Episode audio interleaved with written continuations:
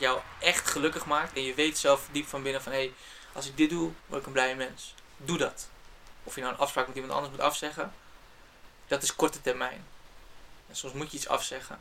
Maar als je dan echt datgene doet wat jou van binnen echt gelukkig maakt, dan ga je uiteindelijk iedereen om je heen daar ook mee besmetten.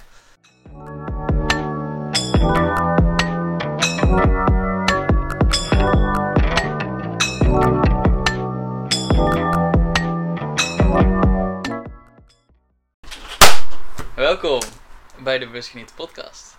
Dankjewel. Leuk man om hier te zijn. Ja. Ik zit hier met Nigel van der Horst. Klinkt als een voetbalnaam eigenlijk. Heb je vaak dat de gehoord? voornaam of de achternaam ligt. Nee. Ja, nee, Nigel Ja, nee, de Jong de Jong, gaan, ja, ja, denken. Dat hoor ik vaker. Grappig. Ehm, wij zitten hier. Ik ben Nigel eh, een tijdje geleden tegengekomen op Instagram. Ik ken jou niet helemaal. In ieder geval niet jouw hele verhaal. Normaal weet ik een stuk meer over eh, de meeste gasten. Dat vind ik wel leuk. Want eh, ik heb het een en ander zien langskomen. Nigel heeft sowieso een heel bijzonder verhaal. Daar ben ik al wel achter. Ehm, je hebt ehm, pas geleden ook meegedaan aan een eh, programma. Ja, Hoe heet dat ook weer? ik ga op reis en neem mee. Ah ja, ik ga op reis, ik neem mee. Ja. En waarom ik vooral connectie voelde is omdat jij ook Ramdas volgt. sommige mensen kennen deze naam, sommige niet. Ramdas is voor mij persoonlijk en waarschijnlijk ook voor jou eh, toch wel een van de grootste leraren Hm. en inspiratiebronnen als het gaat om bewustzijn, een stukje spiritualiteit. Ehm, En het ook niet allemaal te serieus nemen. en het allemaal niet, niet allemaal te serieus nemen en ook inzien dat het leven een spel is. Dat heeft hij mij, daar heeft hij mij echt Mm. veel mee eh, geholpen ook. We gaan het sowieso hebben over jouw verhaal.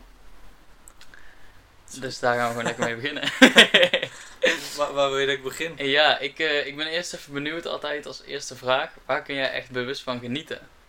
Waar kan ik echt bewust van genieten? Van heel veel kleine dingetjes.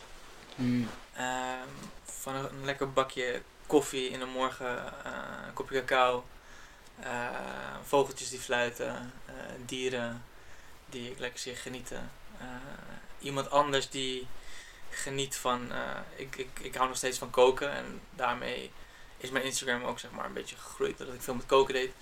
En ik geniet heel erg als ik dan iets eten gemaakt heb en, en mensen genieten daarvan, daar kan ik ook echt van genieten. Oké. En jouw Instagram is gegroeid door koken? Ja, Hoe is dat zo gekomen dan? Hoe is het zo gekomen? Ehm, ik denk dat ik 16 was toen ik begon met fitnessen. Oké. Eh, ik was echt super onzeker en ik zag naar fitness.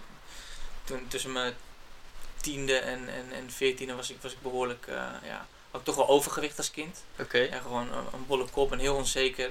Droeg ik extreme skaterkleding om niet op te vallen dat daaronder veel vet zat, zeg maar. Mhm. Dus ik was heel onzeker. Ik kreeg een groeispurt en toen ja, viel ik daardoor wat af. Mhm. En toen ben ik gaan, gaan sporten en fitnessen. En toen eh, ja, kwam ik er heel snel achter dat je dus kiprijs en broccoli moest eten. Mhm. En mijn moeder zei van nou, als jij dat elke dag wil eten, dan mag je dat zelf gaan maken.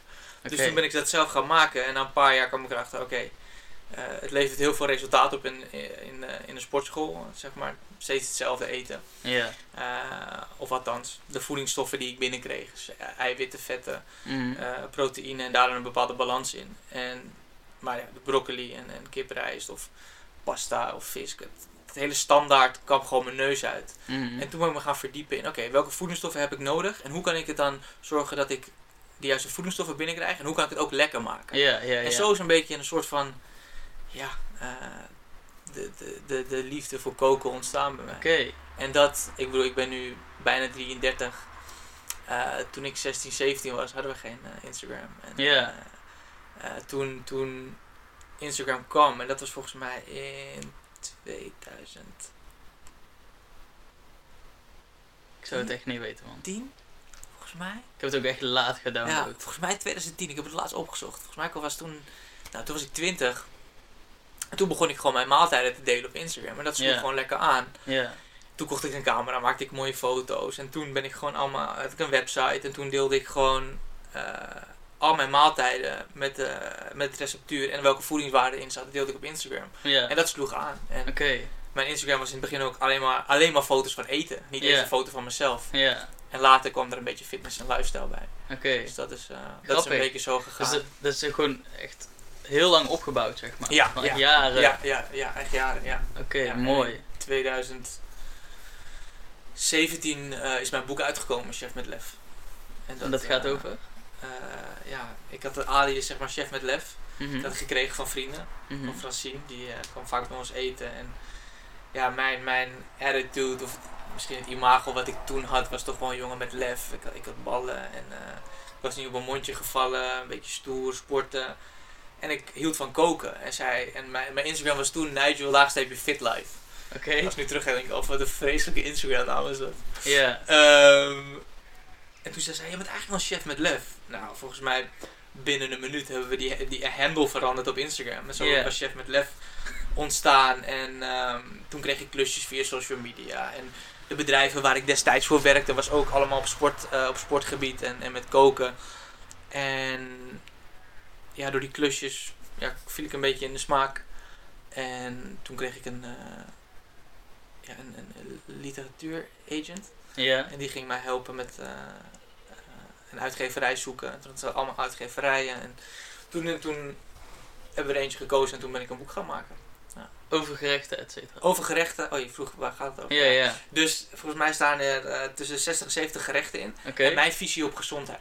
Oké. Eh, en het is samen met Jonathan Klaassen geschreven, die is diëtist. Mhm. En die, die bunkt eh, een aantal mythes die destijds eh, een beetje upcoming waren. Dus Ja. vegan eten, biologisch. Die, Ja, ja, ja. die bunkt hij of daar vertelt hij de juiste informatie over. Dus in samenhang met hem als diëtist eh, hebben we dat boek gemaakt en deel ik mijn visie over gezondheid. En ik, Mhm. dat ik vind dat wij als mens zijnde, eh op school leren we niet dat als jij te veel calorieën eet per dag, dat het niet goed voor je is. En dat als je te weinig eet, dat het ook niet goed voor je is. We leren niet dat je eiwitten nodig hebt om, om spieren te herstellen, dat je koolhydraten nodig hebt eh, om, om je lichaam van energie te voorzien. En dat je Mhm. hersenen de meeste koolhydraten eh, eh, verbruiken op een dag. Dat vetten, gezonde vetten belangrijk zijn voor je organen en je hormoonbalans. Dat leer je allemaal niet op school. Mhm. En ik vind dat, dat, dat wij dat moeten leren op school. En ook gewoon als mens zijnde vind ik dat wij die informatie moeten hebben. We leren rekenen, dus we leren aan het einde van de dag of het einde van de maand, oké, ik verdien 3000 euro per maand en als ik 6000 euro per maand uitgeef, kom ik in de min te staan. Dat leren we. Over ons eigen lichaam leren we niet dat als wij te veel eten, te veel calorieën binnenkrijgen, Mhm. dat het niet goed voor onze gezondheid is. Ja. Dus ik deelde in dat boek de, de, de basisprincipes in mijn ogen, Mhm. eh, wat wij moeten weten over voeding. Ja, oké. Ben ik benieuwd, hè. Ehm, hoe, is, hoe is verder jouw eh, reis door het leven gelopen, ontstaan? jij, jij bent dat boek gaan schrijven. Wat deed jij toen? Eh, hoe oud was je toen? En ja, laten we zeg maar langzaamaan het Ja. gesprek ook een beetje naar de Dat periode van nu gaan. Oké. Eh, nou, laat ik beginnen bij dat ik toen ik 15 of 16 was, ben ik van school gegaan. Toen ben ik gaan werken. Oké, waarom? In een kledingwinkel. Ik, ik, ik, ik kon niet tegen eh, autoriteit. Oké. ik was heel vervelend. Ik werd er alleen maar uitgestuurd. En dat kwam allemaal vanuit een onzekerheid. Ik was stoer doen. En Ja, ja, het ja. mannetje zijn. En dat ging niet samen met, met, met hoe de leraren les gaven. Mhm, mhm. Maar het duurde best wel lang. Want ze hadden ook wel weer een zwak voor mij. En ik had een gunfactor. En ik wist het altijd wel leuk te manipuleren. Maar school was gewoon niet mijn, mijn ding. En ik, ik, ik, ik- wat ik heel vroeg achter ben gekomen. Ik kan niet iets doen wat ik niet leuk vind. Kan ik me gewoon, ik kan me er niet toe zetten. Ik heb het wel vaak gedaan. Maar dat werkte averechts bij mij. En toen Mhm. ben ik gaan werken in een kledingwinkel. En toen was het alleen maar fitness, eh, werken en uitgaan. Nou, op een gegeven moment ben je er ook klaar mee. Kom je erachter van, hé, hey, ik ben de, de vreemde eend in deze vriendengroep. Eh, het gaat alleen maar om, om, vrouwen, drugs, uitgaan, eh, status. Wie heeft een nieuwe tattoo, wie heeft een nieuwe boeddha-armband, wie heeft het... Dat was het allemaal een beetje. Wie heeft de meeste drugs op een festival? Ja. Het ging helemaal nergens over. Ik voelde altijd van, hé, dit, dit ben ik niet, dit klopt niet. Maar ik moest er blijkbaar doorheen om, om Dat dichter bij, bij mezelf te komen. En Mhm. eh, ja, toen heb ik gewoon een hele duidelijke keuze gemaakt van ik, ik ga niet meer met hun om. En toen vielen langzaam wat, wat dingetjes op een plek. En toen was ik denk ik begin 20 en toen ging ik voor Doormiel werken. Dat was een bedrijf wat zich focuste op... eh, en daarnaast heb ik altijd dus gekookt en op Instagram gedeeld en fitness. En toen ging ik voor werken. Zij maakte gezonde, gebalanceerde maaltijden eh, die iedereen kon bestellen in Nederland. Mhm. Dus daar werd ik een soort van eh, creative. Welke naam had welke titel had ik daar? Creative Culinary Creator had ik. Oké. Fantastisch. Iedereen had een hele mooie beschrijving. En dus ik hielp mee met het bedenken van de maaltijden en ik stond in de keuken te preppen. Mhm. En dan werd ik ook nog personal body coach bij Personal Body Plan. Mhm. Eh, ik weet niet of je Personal Body Plan kent. Nee. Nou, Personal Body Plan. Ik weet niet of het nog bestaat, maar destijds was het fantastisch. Eh, mensen die gingen een half jaar een traject aan. Eh, en die wouden dus aankomen, afvallen of hetzelfde blijven. In de app kregen ze trainingsprogramma's die echt door professionals waren, waren, waren samengesteld, persoonlijk op hun. En jij als coach ging alles na. Dus zij voerden alles in. En jij hebt dus twee, twee momenten per dag heb je contact met hun. Hey, goedemorgen, hoe gaat het? Heb je al getraind? Wat ga je Mhm. trainen? Eh, hoe ga je trainen? En aan het einde van de dag, hoe heb je het gedaan? En zo gaf je feedback en was je een soort van fitness lifestyle coach in een, in een app. En daar heb ik dan even voor gewerkt. En toen kreeg mijn Instagram account groei, groe- groeide. Toen kreeg ik klussen eh, met Ikea, Albert Heijn, allemaal, allemaal grote aanmerken. En toen dacht ik van oké, nou, ik, ik ben misschien eh, 70 uur aan het werk met alles bij elkaar. Dus het chef met lef Mhm. voor die twee bedrijven. Eh, wat nou als ik al die uren gewoon in, Nigel stop, in chef met lef? Dan kan het toch niet misgaan?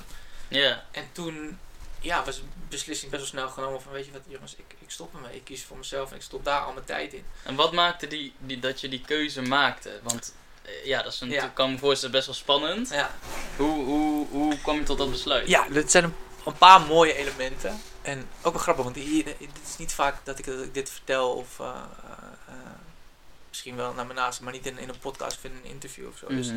vind ik wel mooi. Eh, ik had destijds eh, contact met Jana Robinson. Zij is een schrijfster, eh, op, eh, op, op, schrijfster van boeken. Ze komt uit Canada. En met haar had ik heel veel contact. Een stukje ouder. Veel verder in haar reis. En, en in haar bio had ze destijds... I take slabs at my heart for a living. Dus zij schrijft echt haar diepste, eerlijkste gevoelens schrijft zij. Oké. En wij hadden contact en, en ik deelde haar mijn, mijn verhaal met haar. Ze zei, Nigel, you're so fucking authentic. Just choose for yourself. Mhm. It will, it will pay off. Trust me. En dat, dat deelde ze vaker. En we hadden best wel veel contact. Ook soms over Skype. Diepe gesprekken. En dus zij heeft het zaadje- bij mij geplant. En aan de hand daarvan kwamen er ook weer best wel wat klussen naar mij toe. En in het bedrijf was het een beetje rumoerig. Dus die, die factoren hebben met zichzelf meegespeeld.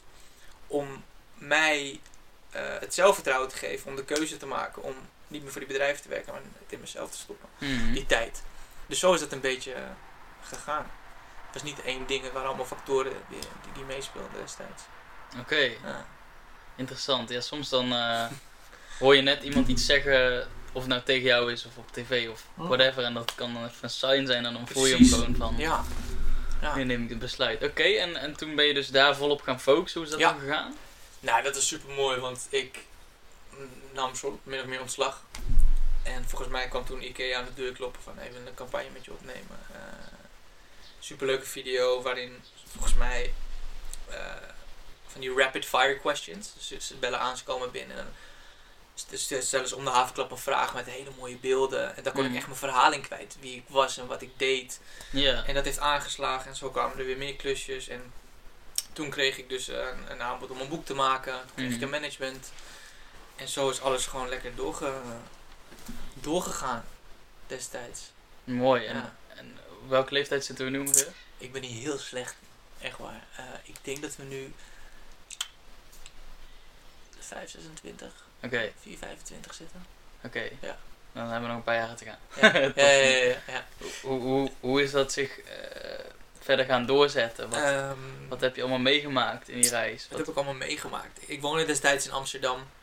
Ik was een beetje een niche in, in wat ik deed, met hoe ik eruit zag. eh, wat ik deelde met koken. En, en, dus ik kreeg best wel veel klusjes. Eh, veel events, lanceringen in Amsterdam. eh, persreizen. Ook nog steeds veel uitgaan. En ook wel af en toe kon ik uitschieters hebben met drank of met drugs. En ik voelde altijd van, de, de balans is weg. Het was bij mij of het ene extreem of het andere extreem. Of heel gefocust op trainen. Mhm. eh, En dat dan één avond of een heel weekend helemaal laten gaan. En dan niet trainen en dan feest en drugs gebruiken. En dan weer vol erop. Maar er zat geen balans in. En ik merkte gewoon van, ah, dit, dit is niet oké. En ik werd een beetje gek van het wereldje. Mhm. Ehm, ik had altijd wel een soort van, nou, ik weet niet, ik was begin twintig, toen las ik De Alchemist van Paulo Coelho, boek. Mhm. Toen, toen, toen, dat, is, dat is heel langzaam, is dat, eh, die zoektocht naar binnen zeg maar gegaan. Maar bij dat boek begon het bij mij een beetje, denk ik. En, eh, of The Law of Attraction kwam ik toen ook begin twintig achter. Maar dan kon ik dingen manifesteren, maar dan gebruikte ik het misschien niet voor de juiste dingen. Mhm. En dat is altijd wel een beetje gebleven. En toen op een gegeven moment gingen heel veel vrienden van mij gingen naar Bali en naar Azië. En dacht ik van, oh, ik, ik, ik heb nu de afgelopen paar jaar in het influencer wereldje zoveel persreizen gehad. Super tof. Ik ben met Rituals naar IJsland geweest, naar, naar, met, naar, naar Zuid-Afrika met een bepaald merk. Mhm. eh, Italië, noem maar op. Eh, heel veel persreizen of, of workshops geven in bepaalde landen, wat Mhm. super leuk was. Maar ik miste toch een bepaalde diepgang. Mhm. Eh, en ik deed op een gegeven moment ook gewoon te veel van wat ik leuk vond. Oké, En interessant. ja, ik kwam toen echt, ik, ik kreeg ook migraines, ik kreeg paniekaanvallen. Eh, en toen wist ik van oké, dit is, als ik nu doorga, dan, Mhm. dan ja, burn-out of daar had ik geen zin in. Dus toen dacht ik van weet je wat, ik laat even wat dingen vallen en ik ga voor een paar maanden weg. Dus met 2018, dus 28. Ik naar Bali. En mijn lijf kwam tot rust, kwam heel veel emotie uit. Ehm, bepaald gedrag en patronen bleven zich nog wel terugkeren. Ehm, volgens mij ook toen ik 28 was, heb ik voor het eerst met plantmedicijn gezeten, met Oké. ayahuasca. Dat heeft ook, nee, in, in Nederland. Oké. Ja, ja. Wel met een uh, shamaan, uh, uh, geroutineerde shamaan die overgevlogen was. Oké. Wat heel bijzonder was, is dat het me ook wel ja, veel meer laten gronden in, in mijn lichaam en Mhm. connectie met de natuur. En dingen in perspectief gezet voor mezelf. Van oké, wat, wat, wat wil ik nou? En toen was ik terug uit Bali. Het hele jaar was volgepland met werk. En ik kwam weer een beetje terug in mijn oude patroon. En toen 29 had ik besloten van oké, ik ga weer naar Bali. Maar nu laat ik echt alles vallen en geen ticket terug. Oké. En toen heb ik eh, bij elkaar een jaar in Bali gezeten. En daar in dat jaar is wel echt onwijs veel gebeurd. Dat, eh, toen heb ik voor het eerst ben ik aangekomen met mannenwerk, met mannencirkels. Oké, ja. eh, met met uh, psilocybine. Mhm. Ook op een hele mooie journeys en, en reizen mogen hebben. Uh, en toen, toen net corona was, nou, ik leefde echt een fantastisch leven in, in, Bali. Ik, alles lekker chill, word wakker, mediteren, sporten, ergens wat eten, strandwandeling. Af en toe een fotoshoot of een videoshoot. Uh, of zelf als model of zelf als fotovideograaf. En ik leefde eigenlijk heel chill, chill, chill leven. Heel af en toe nog als een uitschieter met feesten en te veel drinken. Mhm. Ook nog wel de randjes opgezocht. Mhm. En één avond was het, uh, was het te ver gegaan.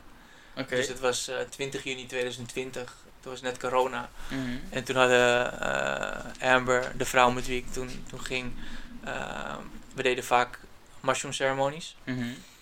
En die avond ja, deden we het meer een beetje voor de lol. Want we waren, het was ook corona, alles was een beetje dicht en we waren een beetje verveeld. Dus een beetje met de verkeerde intentie dachten van nou, we Mhm. hebben nog mushrooms, laten we het nemen. En die keren daarvoor deden we het meer in een ceremoni ceremoniële, ceremonial, ceremonial, Ceremoniële setting. dat. En deze avond niet. En een jongen die ik ken, die, uh, die kwam die avond ook langs. En die kwam, die had harddrugs bij zich, MDMA en coke. Mhm. Althans,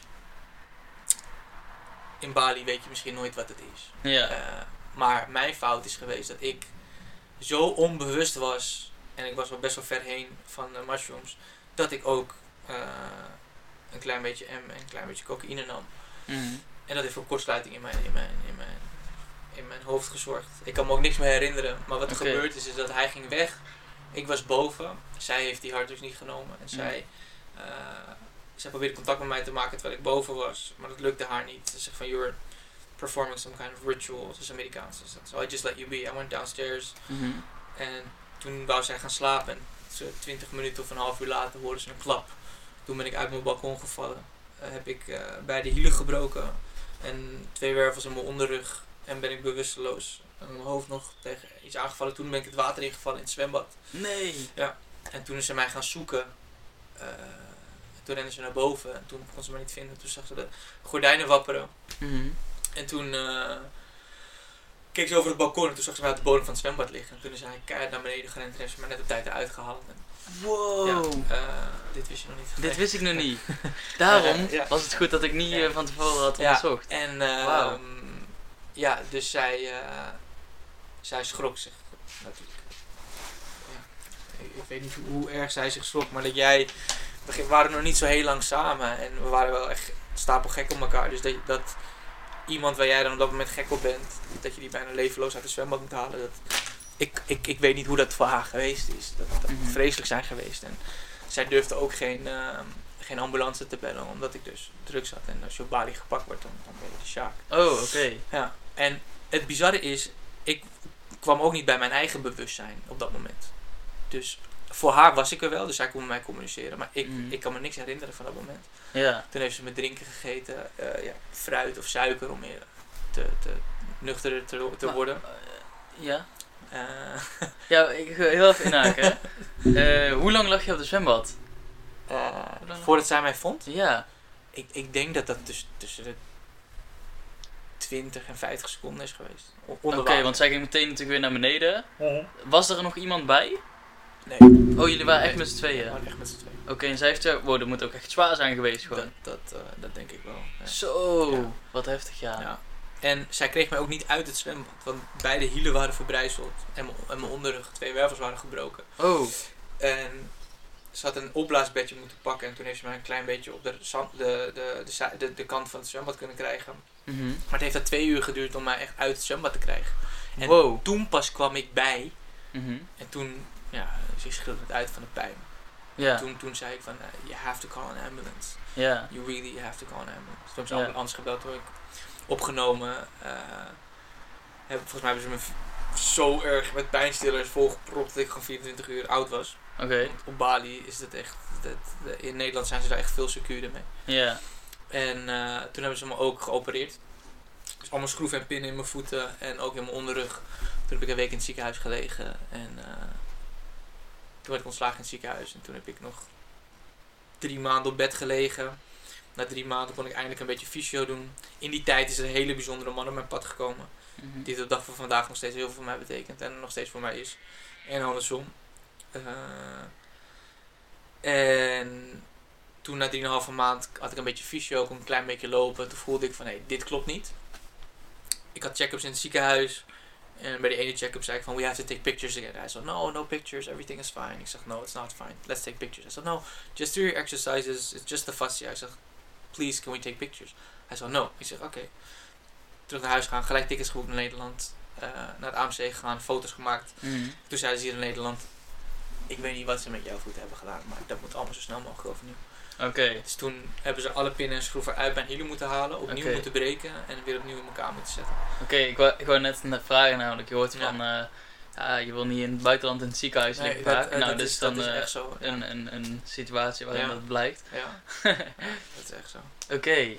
Ehm, Dus mijn verder, ga 30ste, verder. 30ste levensjaar heb ik, nou, praktisch niet kunnen lopen. Nee. Dat is niet normaal. Op een gegeven moment wachtte ik een beetje als een eentje met krukken, maar Ja. Dat, za- dat zag er niet uit. Nee, maar ik heb mijn, 30ste levensjaar gewoon ja, niet, niet, niet kunnen lopen eigenlijk. Ik, ik heb 23 uur per dag op bed gelegen of ik zat in een rolstoel. Mhm. Eh, en dan anderhalf jaar gewoon echt wel zwaar. Een goede revalidatie gehad. Ja, en dat is nu ja, bijna drie, drie jaar geleden. Wauw, en eh, jullie zijn toen uit elkaar gegaan. eh, Uit elkaar gegaan. Ehm, zij, zij was 26. mhm. zij was ook een beetje gestrand op Bali. Haar, haar hele levenspad was ook anders, maar door coro- corona eh, was ze daar een beetje gestrand. Heeft ze mij ontmoet. Ook in de piek van haar leven met, met wat zij wil doen. En we hadden gewoon besloten van, nee, tuurlijk blijf jij hier. Het zou, nergens op slaan. Eh, ongeacht dat we wel gek op elkaar waren. Mhm. Maar het zou nergens op slaan dat zij met mij terug gaat naar Nederland. Mhm. Bij mijn moeder in huis gaat wonen. Want ik moest, ik, Ja. moest in, eh, kon niks. Dus ik ben Mhm. bij mijn moeder gaan wonen. Ehm, dus we hebben gewoon gezegd van, blijf hier en leef gewoon je leven. En we hebben gewoon contact. Mhm. Dus we zijn gewoon op een hele mooie manier uit elkaar gegaan. Oké, Ja. fijn. Oké, en nou, toen ben jij gaan revalideren, heeft super lang geduurd.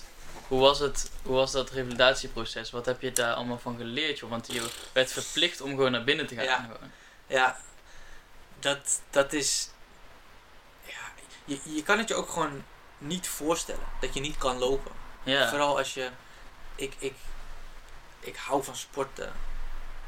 Dat, dat, dat, en, en dat je dat niet meer kan doen. Dan merk je dus ook eh, hoeveel jij je identiteit aan dat sportmannetje hebt, hebt vastgelegd. Dat geloof ik ook, en je ja. komt er ook achter hoeveel je ervan houdt. Ja, Het, gaat, gaat, het is niet alleen maar het een of het ander. ja. Ehm, dus ik ben mezelf gewoon meer gaan accepteren. Eh, ik had ook wel een afspraak met mezelf van. eh, ik ga mijn baard laten groeien tot ik weer kan lopen. oké. Ja, ik dacht, vieze baard, ik zag, het zag er niet uit. Ik, ik zag er ook echt niet uit. Mhm. Ehm, maar ik voelde me niet ongelukkig of zo van binnen. Dus Oké. Ik was wel blij met, met, met wie ik was.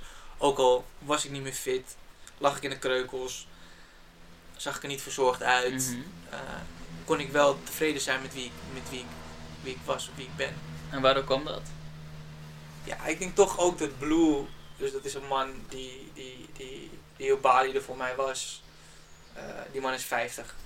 Hij komt uit Israël, hij is half Israëlisch, half Amerikaans. Hij heeft 15 jaar op de straten van LA gewoond als, als drugsverslaafde en drugsdealer. En in, in gevangenis gezeten. Een paar keer bijna dood geweest, ontvoerd als kind.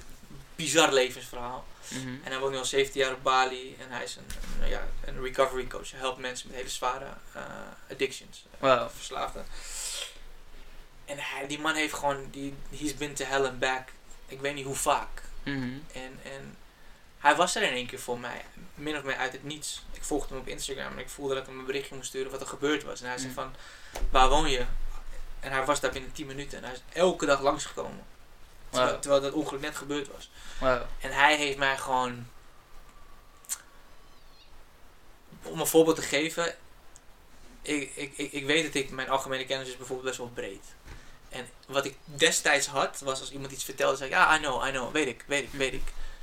En op een gegeven moment zei hij van. You don't know shit, motherfucker. Die gozer is de kop groter dan ik. Mhm. 20 kilo spier meer dan ik. Mhm. eh, vol met tatoeages. Hij ziet eruit als een Hells Angel. als de liefste man die er is. Ja. Hij zei tegen mij van, you don't know shit, motherfucker. If you say I know one more time, I'm walking out of this place and you can just figure this shit out by yourself. Mhm. En ik zei van, nee, nee, oké, oké. Hij zegt van, als jij zegt dat je alle, elke keer als je met iemand praat, en jij zegt I know, I know, I know. Mhm.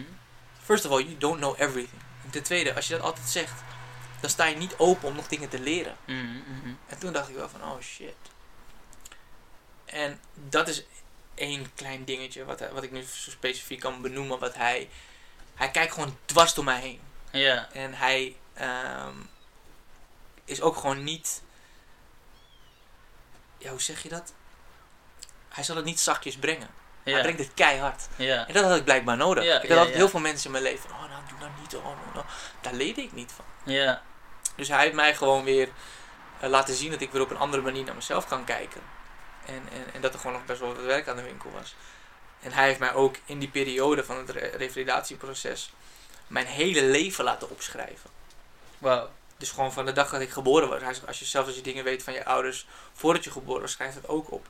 Dat heb ik mijn hele leven gewoon uitgepend eh, tot en met dat moment. En toen zijn we dat later gaan doornemen om anders naar situaties te kijken. En hij zegt ook van, soms of heel vaak in het leven, dan zijn er dingen gebeurd. En dan hebben we daar een verhaal aan gehangen. Mhm. En dat verhaal geloven we en naar dat verhaal gaan we leven. En dan gaan we nooit meer terug om te kijken of dat verhaal ook klopt. We're attached to the, to, to, to the story we have of the memory. Mhm. Dus ga eens terug om te kijken naar datgene wat er gebeurd is. Hoe dat gebeurd is, waarom dat gebeurd is en hoe je daar later mee om bent gegaan. Ja. En klopt dat nog wel? En zo zijn er zo genoeg punten in mijn leven geweest waar ik een verhaal aan heb gehangen. Waardoor ik op een bepaalde manier eh, ben gaan leven of mensen gaan behandelen of eh, copingmechanismes heb opgebouwd. En door di- dit met hem te doen ben ik weer teruggegaan naar die dingen en kon ik het veranderen. En dat, eh, ja, dat is een verrijking van hier tot weet ik veel. Dat is, dat is gewoon zo mooi om die kans te krijgen om, om dat op die manier te doen. En ik heb zoiets van, ik denk dat iedereen op een, als je 25 of 30 bent, het maakt niet zoveel uit bij die periode. Schrijf, eens, schrijf maar gewoon eens een keer je hele leven op. En ga maar gewoon eens weer kijken wat je jezelf hebt aangepraat door dingen die in jouw leven zijn gebeurd. Hoe heftig de situatie ook is. En dat doen we om onszelf te beschermen. Maar het is niet de realiteit soms.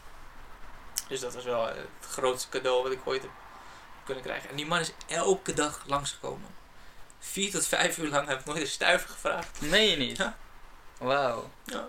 Dat is echt niet normaal. Zo. Dus ik ben hem voor de rest van mijn leven dankbaar. En het allerbizarste is nog dat, dat hij een zoontje heeft gekregen die op mijn verjaardag is geboren een jaar later. Nee, Ja. ja. Wauw. Ja. Dankjewel voor het delen, man. Thanks. Ja, dankjewel dat ik dit mag delen. Wauw. Ah. Wauw. Raak me ook. Wauw. Ik laat je zo meteen wel even een foto van hem zien. Ja. Hij heeft ook gewoon zo'n indrukwekkende kop. Je ziet het leven gewoon in die man. En eh, ja, tot de dag van vandaag belt hij me soms nog eens op en dan... eh, hij heeft altijd een heel mooi zinnetje wat hij, waar hij mee afsluit als hij gebeld heeft. Dan zegt hij van... eh, you're so much more than the credit you give yourself. And I love you and I'm Mm. proud of you. If nobody's told you this today, I love you and I'm proud of you. Wauw. Dat zegt hij altijd. En daar ben ik wel benieuwd naar, want ehm, ja, wat, weet, dat heb je misschien wel eens gevraagd. Wat maakte dan dat hij die keuze maakte om elke dag naar jou zo lang te gaan? Hij zag zichzelf in mij. Het is een jongere versie van zichzelf. Oké. En hij weet in welke diepe dalen hij is gegaan. En is Mhm. gevallen. Mhm. En hoe vaak hij praktisch maar net overleefd had. En dat, dat, dat, dat wou hij niet voor mij. Ja. Dus hij zag een jongere versie van zichzelf. Maar hij zei ook van... ehm, hij zei van mij, na, na de eerste afspraak... Dat, dat hij bij me langskwam, zei hij op het laatst... Had hij mijn hand vast en zei... You need a brother right now and a father. And I'm here for you, man. I'm like, oh yeah, I do, man. En ik had destijds niet goed contact met mijn vader. En dat is ook, vanaf mijn tiende is dat ook niet altijd even goed geweest. En ik ben enigskind. Ik heb nooit een broer gehad. En mijn vader ja, was niet echt een, vaderfiguur voor mij. Vanaf mijn tiende tot... Ja, nu heb ik weer goed contact met hem. Maar Mhm. Dat hij dat zo aanvoelde van... You need a father and a brother right now. En dat I do, man. En dat hij dat, dat voor mij kon zijn en nog steeds is. Ja, dat, dat, dat is een heel groot cadeau. Heel mooi man. Ik ben wel benieuwd naar eh, sowieso twee dingen. Heb je eigenlijk nog last gehad van een soort eh, schaamte of schuldgevoel eh, toen naar de vrouw waar je, waar je mee was toen op dat moment? Of naar iets Dat anders? is een hele mooie vraag. Vind heel goed dat je, dit, dat je dit vraagt. En dit is ook iets wat bij mij pas, ik denk in anderhalf jaar later binnenkwam. Eh, ja, ik heb een heel groot schuldgevoel gehad, zeker weten. En ik heb, ik heb hele liefdevolle mensen om mij heen. Vrienden, familie. En mijn oma leefde toen ook nog. Ehm, het moment dat ik dat ongeluk heb gehad, je komt in de overlevingsstand. Hmm. Je, je, je, je wil revalideren, trauma, letsel, noem maar op. Dus daar ben ik mee bezig. En pas op het moment dat ik weer een huisje voor mezelf had, anderhalf of twee jaar later, eh, weer tot rust kwam, eh, alles weer een beetje oppakte. Toen pas kwam bij mij een besef binnen van holy shit, hoe is dit voor mijn, voor mijn moeder geweest? Dat zij midden in de nacht wordt gebeld van hé, hey, je zoon eh, heeft een ongeluk gehad. Dat Mhm. is het ergste telefoontje wat je kan krijgen als ouders zijn. Ja, En, en dat het dan ook in het buitenland, het is een grootste nachtmerrie. ja. En toen pas kwam dat besef binnen. En toen ben ik echt door heel veel pijn gegaan. En heb ik die gesprekken gehad met mijn moeder, mijn vader, sommige beste vrienden en ook met mijn oma. En mijn oma, ze komt uit Amsterdam-Noord. Ze is, eh, ze is helaas nog steeds ergens, maar Mhm. niet in de fysieke mhm. eh, eh, staat. En ik zei tegen haar van, oma, ik zeg, was je niet boos op mij toen het ongeluk gebeurde of, of terug? Ze zei, ja, ik was boos op je. Toen dacht ik van, ah, dankjewel dat je dit zegt. Ja. Dat helpt mij in mijn proces. En ik vond het ook super sterk van haar dat ze dat kon zeggen. Want mijn vader, nee, nee, natuurlijk niet. Ik vond het alleen maar heel erg voor je. Mhm. En, en, en, en mijn moeder ook. Ik zeg, maar mam, je mag boos zijn. Mhm. Het zijn mijn keuzes geweest die, die, die tot het ongeluk hebben geleid. Mhm. En, en, en, en ik vind dat je daar boos mag voor zijn op, op, op mij, eh, naar je kind toe. Ja. Hoe erg het ook is wat ik eraan over heb gehaald en wat er Mhm. gebeurd is, Mhm. vind ik dat je boos mag zijn. Ja. Eh, en doordat je het niet doet, kan, kan, kon ik ook niet verder in mijn proces. Dus ik ben blij dat het naar boven is gekomen, dat ik die gesprekken ben aangegaan met mijn vader en mijn moeder. Want bijvoorbeeld met mijn vader heb ik dat gesprek gehad. En mijn vader zei van, ja, ik, ik dacht dat het door mij kwam. Door onze geschiedenis. Dat dat toe leidde en dat jij... Hij dacht dat ik toen gesprongen was. Toen hadden we het gesprek niet gehad wat er echt gebeurd was. Mhm. Dus ik ben zo blij dat we dat hebben uitgesproken. En dat, dat ik dat nu bij hem weg kan nemen van dat lag niet aan jou. Want dat hij daarmee moet leven met die last. Wat, wat niet de, de waarheid is. Wat hij Mhm. dan zichzelf aanpraat. Mhm. Als jij die, die, die, dat gesprek niet kan hebben. Dan blijft dat dus bij hem en bij mij. En Mhm. door dan samen te komen en dat gesprek te hebben. Kan je dat ophelderen. Dus ik ben heel blij dat het naar boven is gekomen. Mhm. Maar ik heb daar wel echt een tijdje echt... Ben ik mee wakker geworden en- mee naar bed gegaan van... Ik, het- dit is wel mijn schuld geweest. Mhm. En ik denk ook dat, als we het over dingen verwerken hebben, dat het moment dat je dat ook zo kan aankijken, dan, dan, dan helpt het bij het proces met, met het verwerken. Want op het moment dat je niet eerlijk kan zijn naar jezelf van, ja, maar wat mij overkomen is, is erg. Het is makkelijk om in die slachtofferrol te komen. Ja, ja, ja. En dat heb ik misschien ook in het eerste anderhalf of jaar gedaan. Mhm. Omdat het misschien een natuurlijke reactie is. Omdat de capaciteit om die gesprekken gelijk te hebben, dat, dat, dat, dat had ik niet. Omdat ik bezig was met... Ik zat vol met, pijnstillers of Mhm. met mijn revalidatie. Maar ik ben blij dat dat wel later naar, naar, naar boven is gekomen. Want dat heeft me heel erg geholpen. En dat heeft hun ook de kans gegeven om hun verhaal te doen daarover. Ja. Ja. Oké. En ja, nou, dat is, dat is gewoon een eh, proces om dat allemaal te verwerken. Dat, Mm. En daar, daar kom je, daar kun je zo lang nog iets over tegenkomen. Van spreken over een jaar of over drie jaar komt er nog ineens een moment. Dat, is, eh, dat, eh, maakt ook niet uit. Ehm, ben ik ook benieuwd. eh, ja, jij eh, vertelt hè, een aantal keer van ik had toen eh, wat uitschieten soms met drugs of drank Mm. of wat dan ook. Ik geloof altijd dat eh, als je, ja, ik geloof ergens wel van je kunt dat soort van recreatief doen, maar vaak als er een soort patroon in zit, dan ben je gewoon iets aan het verdoven. Weet je ook, eh, ja, heb je, heb je, ben je bewust geworden en ben je ook daarin naar binnen gaan van, ja, wat probeer ik nou eigenlijk te verdoven? Ook Ja. voor de mensen die op Ja, dit moment ja, luisteren, ja, die ja, misschien, Ja, ja. eh, ja. Ja, ja. Dat, dat, ik was heel veel aan het verdoven. Ehm, ik voelde me niet gezien en niet gehoord. En dat heeft te maken met mijn, eh, eh, met, met mijn opvoeding, mijn moeder en mijn vader. Ehm, dus, dus mijn vader was er niet vanaf mijn tiende. Mhm. Dus ik, ik moest mijn eigen man worden of, of onderzoeken van wat, wat, wanneer word je nou een man van een jongen. En, Mhm. eh, hoe ging ik dat doen? Ik, ik, ik ging ehm, eh, validatie zoeken in oudere mannen die wat stoerder waren of in het verkeerde circuit zaten. Mhm. Want dat vond ik stoer. Mhm. Dus ik ben met best wel ja, gasten omgegaan die, die, die dingen hebben gedaan eh, wat, wat, niet van de wet mag. En die daarvoor. eh, ja, maakt niet uit. Ehm, maar ik ging dus met een groep, groep, groep mensen om die gewoon veel feesten, veel drugs gebruikten, eh, met veel vrouwen waren. En, en, dus ik ging mijn heil zoeken in, in, in conformatie van stoere mannen ja, die niet door altijd iedereen geaccepteerd worden. Omdat ik mezelf gewoon nooit ge- ge- gehoord en gezien voelde. En in, in, in aandacht en conformatie van vrouwen. En dat ging gepaard met, met, met heel veel drugs. En, en de pijn en het gemis van mijn vader verdoofde ik dan met drugs. En in hetzelfde. En op dezelfde manier dus en te veel drugs nemen om dat pijn te verdoven. En tegelijkertijd die conformatie proberen te vinden in eh, weer, een, weer met een vrouw naar bed te gaan. Of aandacht van een vrouw te krijgen. En ook eh, stoer en leuk gevonden te worden door die oudere, stoerdere mannen in mijn ogen destijds. Mhm. Dat, dat was mijn, mijn eh, escapisme Ja. destijds. Wauw, oké. Ehm, ja, nogmaals dankjewel eh, dat je het allemaal deelt. Eh, Echt mega inspirerend. Ehm, Dankjewel. gaan we even een stukje verder. hè. Jij bent toen gaan revalideren. Dat is, Ja. is het ook de foto's die ik op jouw Instagram zag, heeft het daarmee te maken? Ja, ja, ja, ja, toch? zeker. Eh, want dat is nu eh, een paar jaar geleden. Nee, dat is wel nog een onderwerp. dat is een aantal jaar, eh, aantal jaar geleden. Ja. Ehm, jij bent toen gaan revalideren. Je kon toen niet meer lopen, dus ik weet niet of je juist afviel of aankwam. Ik verloor gewoon. ja, ja, ik ben best wel. Ik kwam een beetje vet aan en mijn spieren werden natuurlijk gewoon wat minder. Ja, Maar ik ben niet.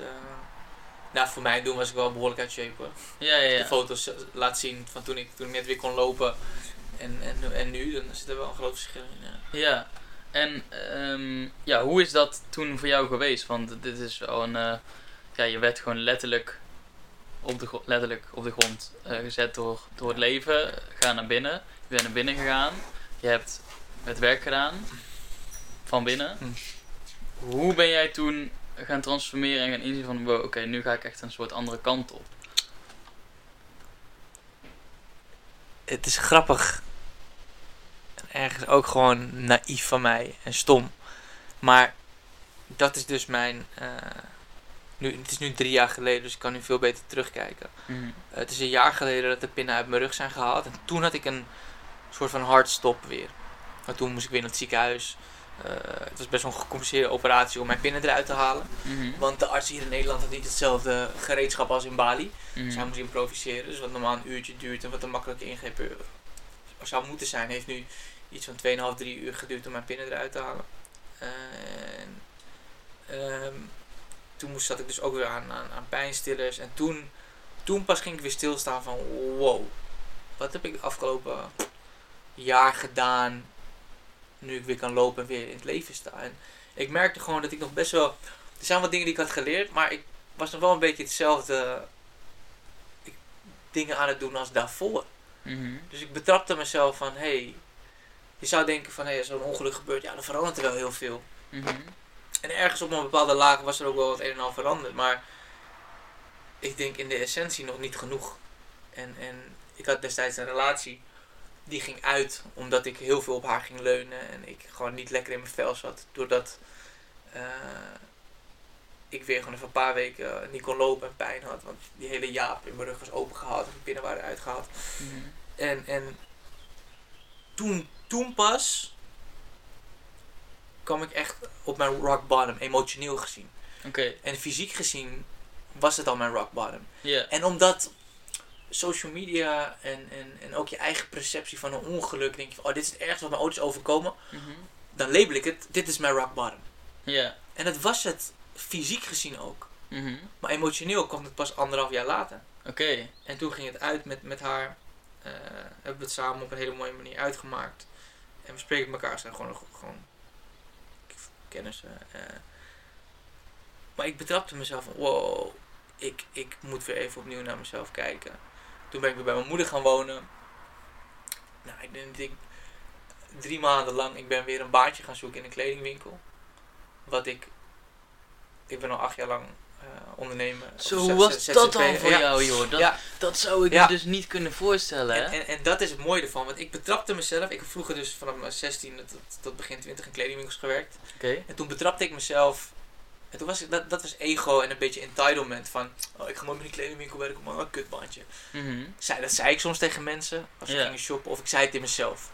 En toen dacht ik van, alleen omdat je dat zegt, en dat je je nu zo kut voelt, Mhm. ga maar weer lekker in een kledingwinkel werken. Kijk maar wat het doet met je. Met je aantal volgers en, en, en, en wat je hebt opgebouwd.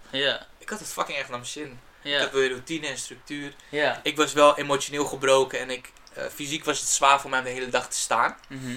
Maar ik heb dat drie maanden gedaan of zo. En in die drie maanden ben ik naar therapeut gegaan, familieopstellingen gedaan. Mm. Eh, ook in mijn plantmedicijn gezeten. En toen ben ik gewoon echt weer opnieuw naar mezelf gaan kijken. Ik heb denk ik twee, of drie maanden lang, ik kwam bijna elke dag thuis. En ik dacht, die janken.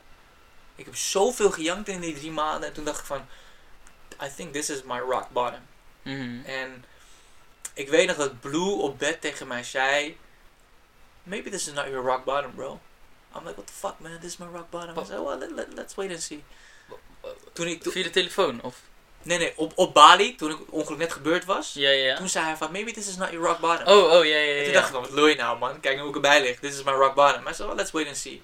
Dus toen ik echt Mm. mijn rock bottom had, toen belde ik hem ook. Hij zei, ah, zie? Mhm. Hij, hij weet dat gewoon, dat voelt hij gewoon aan. Ja. En, en ehm, er is één podcast die mij toen zo, zo erg geholpen heeft. Mhm. Dat is de podcast van eh, John Ber Ber Berntal, een acteur, met Shia LaBeouf. Van de Real Ones podcast. Dus 2,5 uur lang. En Shia LaBeouf is een bekende acteur. Mhm. En hij opent over al zijn demonen en alles. En hij zei daar iets van... uh, I had no more wiggle room. There was no more wiggle room to fall back into ego. Hij zei, there would always be another project, another woman, so I could fall back into ego. Mhm. En voor mij was mijn relatie met, met diegene met wie ik toen ging... Was ook mijn laatste eh heil van... Oh, maar ik ben nog goed genoeg. En toen dat wegviel, had ik niks meer, behalve echt mezelf. Mhm. En toen pas, en rock bottom is the most beautiful place you can be. Because you can't go any deeper. You can only go up. Ja. En zo bekeek ik dat toen ook. En toen ben ik gewoon naar een therapeut gegaan. eh, een paar sessies gehad. Eh, ik ben menswork weer gaan oppakken. Ik had toen een leadership course van Sacred Sons. Drie maanden lang, elke week check-ins. eh, een paar uur lang met elkaar bellen. Eh, Zoom call. Dus menswork heeft me toen in die, in die tijd geholpen. Therapie, familieopstelling. Ik ben naar Sacred Sons event geweest in, in, in, in Engeland. Mhm. Sacred Sons is een brotherhood en een eh, ehm, eh, ja, van men's work uit Amerika. En The Mhm. Gathering of Men, daar ben ik ook nauw bij betrokken. Dat is van eh, een vriend van mij, van Oscar. Mhm. Dus daar ben ik ook weer naartoe gegaan. En alles bij elkaar heeft mij gewoon weer geholpen om weer... Ten eerste, men's work heeft mij heel erg geholpen om gezien en gehoord te worden door andere mannen. Mhm, En je komt er dan achter van ik ben niet alleen, ik ben niet de enige die hiermee rondloopt. Ja. Eh, en ik ben toen weer gaan reizen. Eh, en dat was in december vorig jaar. Ben ik dus van Engeland, van dat event, naar een ander men's work retreat gegaan in, eh, in, in Dubai. Eh nou heb ik 3,5 jaar, of 3,5 maand in Dubai gezeten. En ik heb vroeger 3,5 jaar in eh, Dubai gewoond als kind. Mhm. Dus ik kon weer connecten met, met mijn innerlijk kind. Met dingen van vroeger. En dan kon ik weer opnieuw naar kijken. En daar ook een sessie gehad met een ja, familieopstelling therapeuten. En gewoon één, één, één afspraak. Het was gewoon dat ik gewoon in een meditatie weer terugging naar mijn, naar mijn innerlijk kind. En dat ik mijn innerlijk kind gewoon dichterbij liet komen. En dat ik... En ze zeggen ook van je vader was er niet. Dus jij moet je eigen nu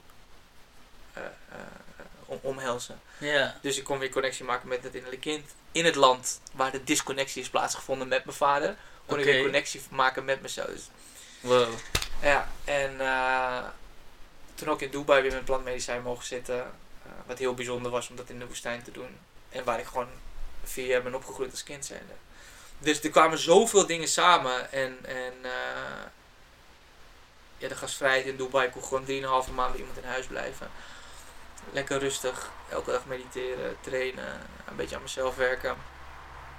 Eh, en weer, re- weer reconnecten met, met, met een deel van mezelf. Wat ik, wat ik gewoon ja, heel lang niet meer naar had gekeken. Dus gewoon herinneringen kwamen gewoon terug. Die ik gewoon had weggestopt. Ja. En, en da- daardoor merk je dat je gewoon je capaciteit weer groeit. En, en eh, een vrouw met wie ik daar heel close ben geworden en nu een hele goede vriendin is. Ze zei ook van, Nigel, you have, you have a beautiful heart, but it's, it's closed. You have to grow your capacity, grow your capacity. Mhm. Ik zeg, how do you do that? Ze zegt, just pray for it every single day. En dat ben ik gaan doen. Ik merkte gewoon, mijn hart gaat open, open, open, open, open, open, open. Werd steeds meer open, open, open. Ja. En, en toen dacht ik oh, het, is, het voelde weer meer als thuiskomen. Mm. En eh, toen kwam het programma voorbij. En toen dacht ik van, weet je wat, fuck it. Ik, ik ben weer klaar voor liefde. Ik, ik ga het gewoon proberen en doen. En, eh, ik kan er nu nog niets meer over zeggen. Het wordt allemaal duidelijk eh, wanneer het feest. Eh, of ik weet niet wanneer deze podcast uitkomt, maar ehm, het wordt allemaal duidelijk. Mhm. En ehm, ja, ik was in april weer terug. April waren er opnames. Ik ben daarna weer naar Ibiza gegaan.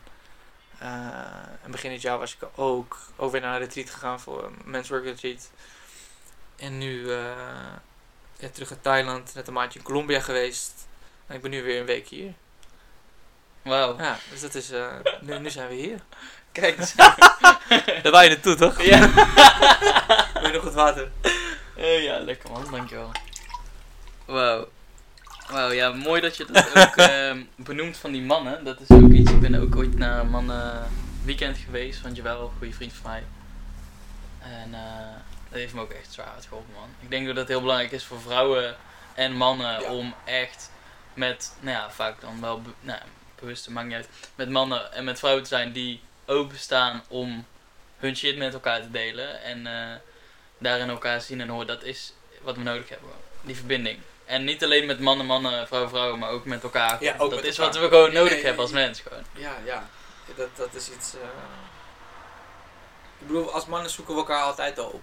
Mhm. Met, met, met voetbal kijken. Met, met, ik bedoel, je hebt ook hele brotherhoods in, in, in, in motorclubs of, of, of hooligans. Ja, ja, ja. Op een hele andere frequentie. Ja, maar ja, diep ja. van binnen hebben we die verbinding nodig. Ja, En als je dat op een bewuste manier doet in cirkel met bepaalde elementen en mannenwerk, dan merk je gewoon hoeveel daar naar boven kan komen. En hoe helend dat kan zijn. Met jouw medicijn, waar jij mee zit en wat jij deelt daarin, is ook gelijk het medicijn van iedereen die in de cirkel 100%. zit. En dat is, dat is, dat is goud waard. Ja. Ja, want je komt eh, dan erachter, in ieder geval zie ik iedere keer weer dat we vaak als mensen, mannen of vrouwen, eh, vaak dezelfde soort shit meedragen. Ja. En eh, ja, mooi is dat. Wauw man. Wauw. Oké, nu zijn we hier in Nederland. Dan kunnen we beginnen. Ik, ik wil sowieso nog even een stukje ook hebben over Ramdas. Maar eh, voordat we dat doen, eh, ja, hoe, hoe zie jij nu de komende tijd voor je dan? Wat, wat, waar wil je jezelf op gaan focussen? Dankjewel. Ehm toen ik in Colombia was, is weer iets naar boven gekomen eh, dat ik weer een boek wil gaan maken. Oké, Dus weer een kookboek. Eh, mijn vuurtje voor koken is, is nadat mijn boek uitging, uitkwam, eh, is langzaam gedoofd. Eh, omdat ik er te veel mee bezig was. Mhm. En kort voor mijn boek heb ik ook in de Emiraten gezeten om te helpen met een restaurant op te zetten. En tegelijkertijd kwam mijn boek uit. En in die periode was ik zoveel met koken, koken, koken, koken, koken bezig. Dat ik gewoon, toen mijn boek uitkwam, van, "Pff, ik ben een beetje klaar mee. Oké. En ehm, ik vind het nog steeds heel leuk om te koken. En ik kan ook wel leuk koken. Eh, en ik wil weer een boek gaan maken. Dus ik ben daar, ik ben daar eh, al mee begonnen. Mhm. eh, met schrijven. En ik wil daar sowieso weer nieuwe recepten in gaan delen van de reis die ik heb gemaakt met inspiratie van alle landen waar ik in ben geweest. Maar Mhm. Ehm, ik, ik wil daar ook in vertellen dat ik me heb vastgehouden aan een imago, aan, aan Chef met Lef.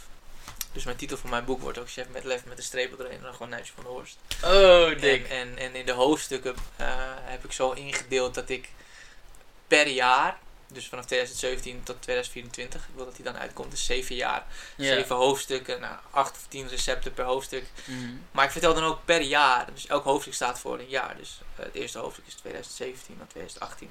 Vertel ik waar ik bij mezelf stond. En ik merk dat ik nu al begonnen ben.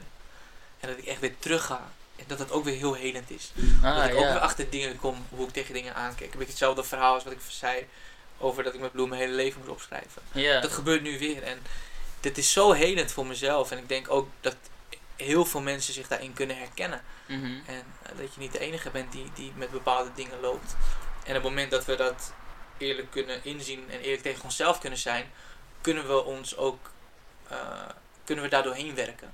Want dat geloof ik met alles. Want we willen allemaal van A naar B, maar we willen allemaal de makkelijkste weg. En, en the only way is through, through the pain, Mhm. through the hurt, through the darkness. Als we daar niet doorheen, doorheen kunnen, dan kunnen we ook niet 100% eerlijk zijn tegen, tegen onszelf. Mhm. En ik wil gewoon zo eerlijk mogelijk zijn tegen mezelf en, en daar gewoon mijn groei in delen van eh, wat er in die zeven jaar is gebeurd. En ook, eh, misschien heel, iets heel belangrijks, dat it takes fucking time. It takes practice. Mhm. Alles wat we doen, ook met spiritualiteit, met, met, met bewust worden, met fitness, met succes, met een onderneming. Alles heeft tijd nodig. Mhm. En, en ik heb het gevoel dat we nu in de maatschappij zitten van we posten iets, we moeten binnen zoveel eh, minuten zoveel likes hebben. Mhm. En ja, er zijn bepaalde mensen die met iets heel geks overnight celebrity worden. Maar hoeveel procent is dat? Maar we, maar we proberen het allemaal na te streven. Ja. Echte werk en echt transformatie en, Mm. en dichter bij jezelf komen heeft heel veel tijd nodig. 100. En, en dat wil ik daarin laten zien dat dat voor mij. Ja, ik pak het dan op van 2017 en, en daarvoor is er ook genoeg gebeurd. Maar ik wil in die zeven jaar gewoon laten zien hoeveel er met mij gebeurd is. En, en hoeveel ik veranderd ben. En dat ik alleen maar. eh, en ik zeg het bijna elke podcast omdat ik het fucking mooie zin vind. Albert is een van de founders van de Sacred Sons. En hij zegt ook van. The work. Everybody talks about you have to do the work, the work. What is the work? Whatever brings you closer to kindness and closer to God, whatever God is, Mhm. is the work. And that shit takes time. Mhm. Dus dat is wat ik daarin wil delen. En een hele lekkere recept. Ja. Dit is de Leuk. eerste keer dat ik dit uh, openbaar deel. Oké. Stay tuned. dus daar ben ik mee bezig. Eh, daar ben ik mee bezig. Eh, ik merk po- podcast heel tof vind. Dus ook een eigen podcast. Dat, dat nee, gaat ook denk ik niet meer lang duren. Mhm. Ik heb ook superveel mensen om me heen. En denk van, hé, hey, ik wil nog wel even de diepte met jou ingaan. Of, of gewoon een gesprek hebben. vind ik super mooi. En ik weet dat in de kracht van delen, op het moment dat iemand anders iets deelt, geeft het de uitnodiging voor de ander die dat ziet of hoort om daar ook iets mee te doen of te Mm. delen of naar zichzelf te kijken. Dus dat, dat vind ik super mooi. dus daar ben ik mee be- dat, dat, dat wil ik gaan doen. Wat nog meer?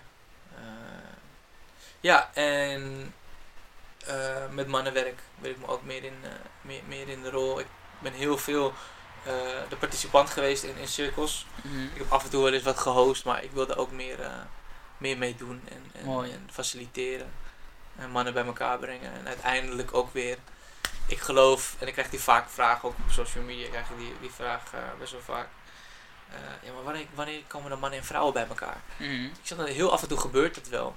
En ik was laatst in New Eden van Hard IQ. Hele mooie workshop, eh, leadership training gehad.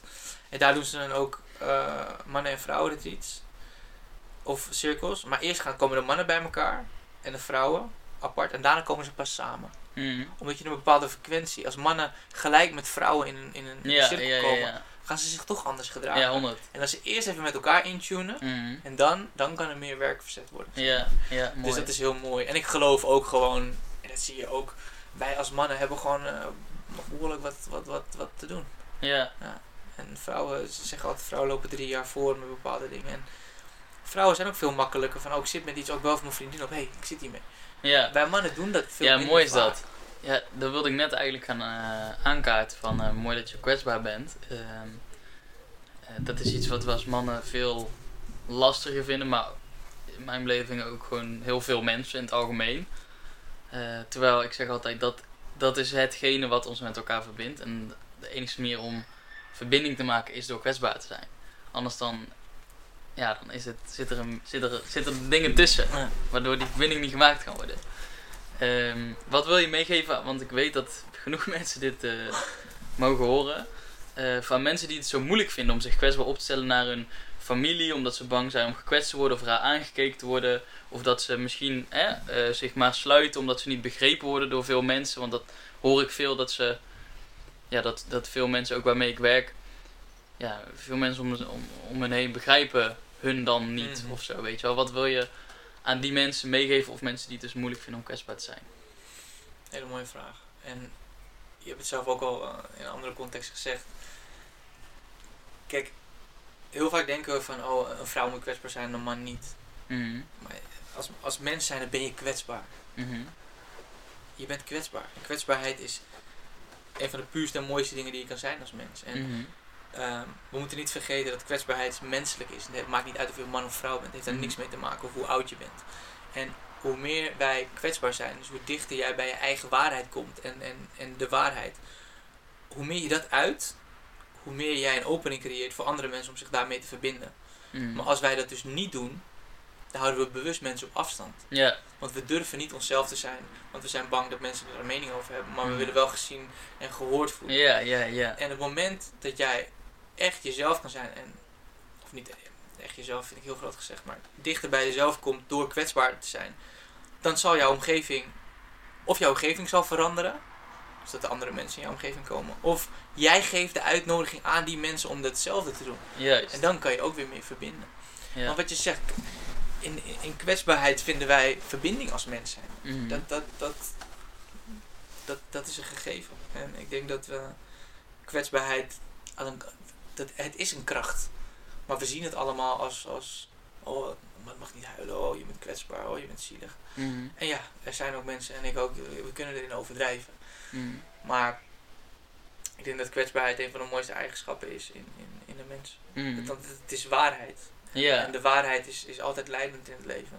ja. Ja, dus hoe, hoe, hoe echter jij kan zijn, hoe meer jij ook gaat verbinden met jezelf en met de mensen die, die dat zien.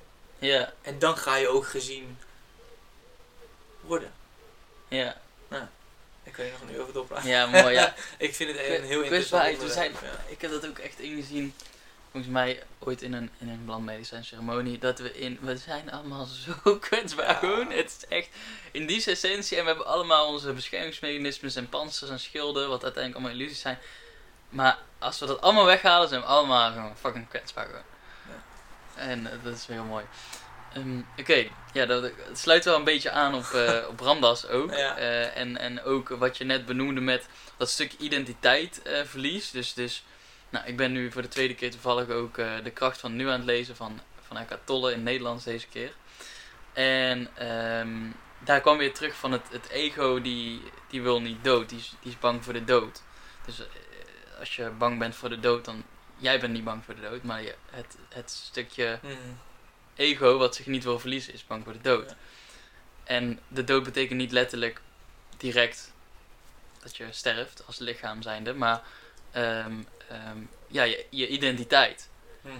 En eh, daar ben ik wel benieuwd naar, want je zegt van, eh, ik ging toen weer in een kledingwinkel werken, dus je ging even, ja, je, je had een soort, denk ik, ego-dood, een beetje. Heb je het zo ervaren? Of niet? Niet zo ervaren, maar de, het, het, het, eh, ik moest wel mijn ego even opzij zetten, zeg Ja. die ik had opgebouwd. Ja. Ja.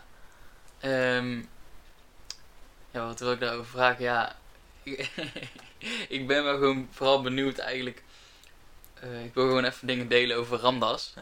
Fantastisch gewoon. Wat heb jij geleerd als ik dus het heb over kwetsbaarheid en, en, en de rollen die we spelen en dat we onszelf daar heel erg mee gaan identificeren. Mhm. Wat heb je daarin in geleerd? Ah, ja, Ramdas heeft ook een boek Becoming Nobody. Mhm. En daar heeft hij het heel erg hier over. Ja. En, en hij zegt ook van. eh ja, het verwoorden? Ehm, we zijn allemaal zo druk bezig met, met iemand te zijn, Mhm. maar we zijn niemand. Ja. En, en het klinkt heel gek, maar het, we zijn allemaal. Het is allemaal niet zo moeilijk. We Mhm. maken het allemaal zo serieus. Het is allemaal Mhm. gewoon zo luchtig. Mhm. En dan zegt ook op een gegeven moment van... eh, Are you in there? Isn't that cool? You're in there? There's somebody in there? Weet je? En, en, en, en wij creëren al die imago's en de maskers. En... Maar het is, het, is, het is ook gewoon heel zwaar. Als je, als je jezelf voor gaat doen, eh, op een bepaalde manier gaat gedragen. Bijvoorbeeld, ik heb dat, om het naar mijn eigen ervaring, ik heb dat dus een tijd gedaan.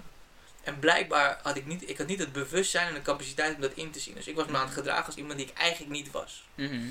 En dan dat zegt ook, everybody fails at who, who they're supposed to be. Wow. Mhm. And I failed miserably. I almost died doing it. En ik gedroeg me dus zo niet als wie ik echt ben. Dus ik, ik, ik probeerde mij in een groep te wurmen met het gedrag van hen. En daardoor moest ik dus zoveel drugs gebruiken. Om een beetje ergens bij te komen waar ik nooit bij zou kunnen komen in Mhm. die tijd. En ook, ook al gebruikte ik ehm, in de tijd op Bali nooit, nooit meer eh, eh, harddrugs. Toch kwam dat voorbij. En dat is dus ook mijn downfall geweest. Ja. Dus doordat ik, ik- want ik geloof niet dat het door de psilocybine kwam. Mhm. Dat geloof ik niet. Dat zou ik nooit geloven. Mhm. Het kwam doordat ik toen coke en MDMA nam. Mhm. En dat heeft dan misschien iets, eh, als je het wetenschappelijk gaat doen, is er waarschijnlijk iets in mijn neurocircuit, kortsluiting of weet ik veel wat ge- geweest. Maar ik geloof dat het kwam dat ik coke en MDMA nam. En ik denk dat coke de grootste boosdoener bij mij is geweest. Want dat was altijd mijn fucking kryptonite. En, en eh, voor mij was dat gewoon de vreselijkste druk die er was. En mijn ego groeide daar zo van. Mhm. Ehm, het kost gewoon heel veel moeite om iemand te zijn die je niet bent. En het gaat parten spelen. En ik geloof ook dat als je lang genoeg stil bent en met jezelf bent, dan weet je zelf donders goed wat je aan het doen bent. Mhm. Am I playing a game? Doe ik me voor als wie ik niet ben? Mhm. En, en, eh, en wat doe je daarmee? Neem je daar genoegen mee en loop je het leven zo door? Kan ook. Of wil je daar iets aan veranderen en wil je wel gewoon jezelf zijn? En er is één super mooi klein podcastje van acht minuten van In Hindsight die daarover hij zegt van ehm, lies need crutches. The truth doesn't need crutches. En, en dat, dat, dat is echt zo. En door niet echt te zijn en, en uit je waarheid te leven, ben je tegen de natuur aan het ingaan. Ja. En als je tegen de natuur ingaat, kijk maar. Ik bedoel, bepaalde dingen in, in, in, in de natuur. Als wij als mensen tegen de natuur ingaan. Ik zeg maar wat, ik was toevallig van de week, ik ben in Colombia geweest, bij de Kogis geweest. Dat is een tribe eh, en die, ehm, dat zijn, eh, eh, die stammen af van de Incas en de Maya's. En je hebt een berg daar en er leven, daar, daar stromen zeven rivieren naar de oceaan toe. En dat systeem, dat, dat voedt alle planten en al het leven tussen die bergen en de zee. Want het, water wat verdampt uit de zee komt in de bergen en dat vult de rivieren met water, zorgt voor leven eh, in de rivieren en komt weer terug. En dat is dan dat cirkeltje. Ja. En een of ander bouwbedrijf heeft één rivier weggehaald. En de Kogis zeiden van, this is going to create landslides, eh, overstromingen, noem maar op. Mhm. En zij gaan dus tegen de natuur. Dus ze halen een van die zeven rivieren, dus wat al eeuwenlang voor het systeem zorgt, voor die berg. Eén rivier hebben ze weggehaald, hebben ze een, een eh, weet ik veel, een of andere eh, fabriek neergezet. Mhm. En toen zijn er allemaal overstromingen en, en, en heftige eh, dingen, landslides en earthquakes gekomen in dat gebied. Oh, wauw. En dat vind ik zo'n mooi voorbeeld. En ik geloof ook dat dat bij ons ook gebeurt. Dus hoe, hoe erger je vecht tegen de persoon die je probeert te zijn en niet Mhm. echt bent, Mhm. des te meer de natuurlijke dingen jou gaan tegenwerken. Dus des te min, minder jij in situaties komt die, die leuk zijn. Mhm. En op een gegeven moment, en we zijn hardleers, dus uiteindelijk moet het ook op die manier gebeuren, willen wij toch dichter bij onszelf komen.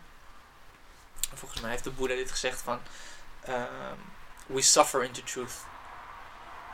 9 van de 10 keer moet er iets heftigs gebeuren, willen wij dichter bij onszelf komen. Ja. Het zou toch zo mooi zijn als wij gewoon iets meer stil zijn, iets meer naar onszelf kunnen luisteren Mhm. en die heftige momenten voor kunnen zijn.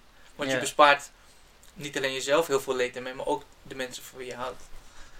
Maar die, die, die lijden daar ook van. Als jij een bepaald gedrag vertoont of, of eh, op een bepaalde manier gedraagt wat gewoon niet bij jou past, dan ga je jezelf en anderen daarmee kwetsen. En dat moeten we nooit willen.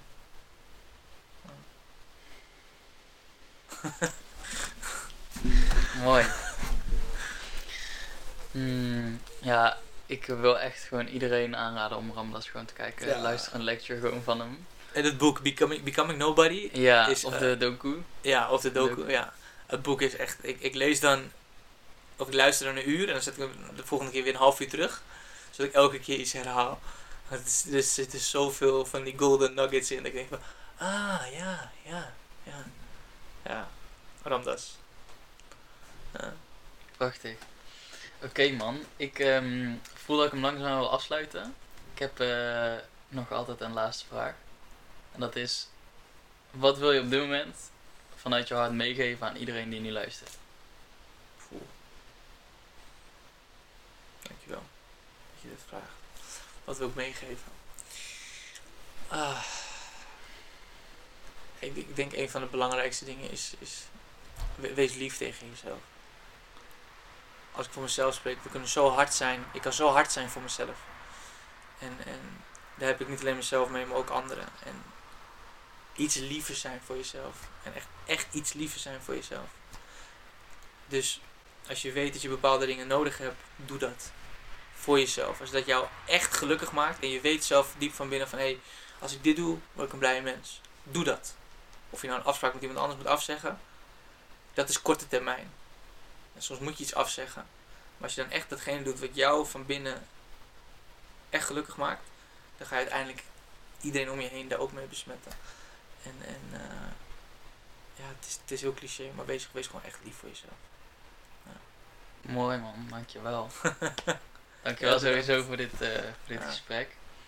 Ik weet zeker dat er eh, heel veel mooie stukken in zitten die mensen mee kunnen nemen. En nou ja, als mensen ooit een reden of een vraag met jou willen connecten, Kan kunnen altijd. denken Insta-DM of ja, zo sturen. ja, zeker. Ik zet jouw linkje in de beschrijving. Nou, het boek, stay tuned, wat er eh, nog aan gaat komen. Ehm, Nu moet ik wel.